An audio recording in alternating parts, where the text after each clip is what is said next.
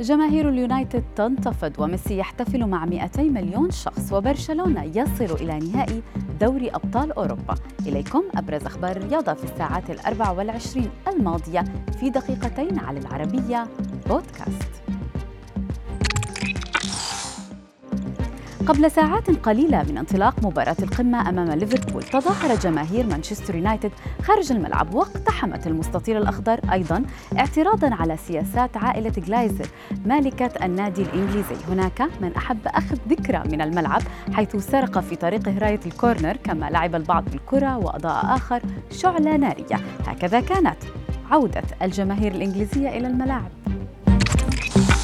احتفل ليونيل ميسي بوصوله إلى 200 مليون متابع على إنستغرام بطريقة فريدة من نوعها حيث استغل النجم الأرجنتيني الحدث للانضمام إلى حملة مكافحة الإساءة على شبكات مواقع التواصل الاجتماعي موجها رسالة قوية إلى متابعيه الذين طالبهم بالتفاعل مع الحملة بشكل إيجابي. من جهتها تواصل المنظومة الكروية الإنجليزية صومها عن مواقع التواصل اليوم الثالث على التوالي وستستمر في ذلك حتى يوم الثلاثاء المقبل. حسابات بعض الأندية استبدلت صورها الرئيسية بعبارات مستمدة من حملة مقاطعة العنصرية والتنمر.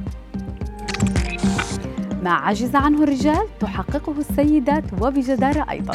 نجوم نادي برشلونة للرجال أمثال بيكي وغريزمان سارعوا إلى تهنئة فريق السيدات بعد وصولهن إلى نهائي دوري بطلات أوروبا إثر تغلبهن على باريس سان جيرمان الفرنسي حيث أصبحن على بعد خطوة من تحقيق اللقب في حال فوزهن على تشيلسي في النهائي. اعتذر لاعب النادي الأهلي المصري مروان محسن عن تصريحات أدلى بها والده للإعلام المصري وطالب الإعلاميين بالتواصل معه فقط وليس مع أفراد عائلته. وكان والد مروان محسن قد دافع عن نجله بعد حملة هجومية تعرض لها إثر ظهوره في إعلان لصالح شركة عقارية يشير إلى فكرة تضييعه للفرص السانحة باستمرار. ليقول والده إن ابنه ليس الوحيد الذي يضيع فهناك زميله محمد شريف الضعيف ولكن لا أحد يتكلم عنه على حد تعبيره. أما نجله فيتم التصيد لأخطائه دائماً.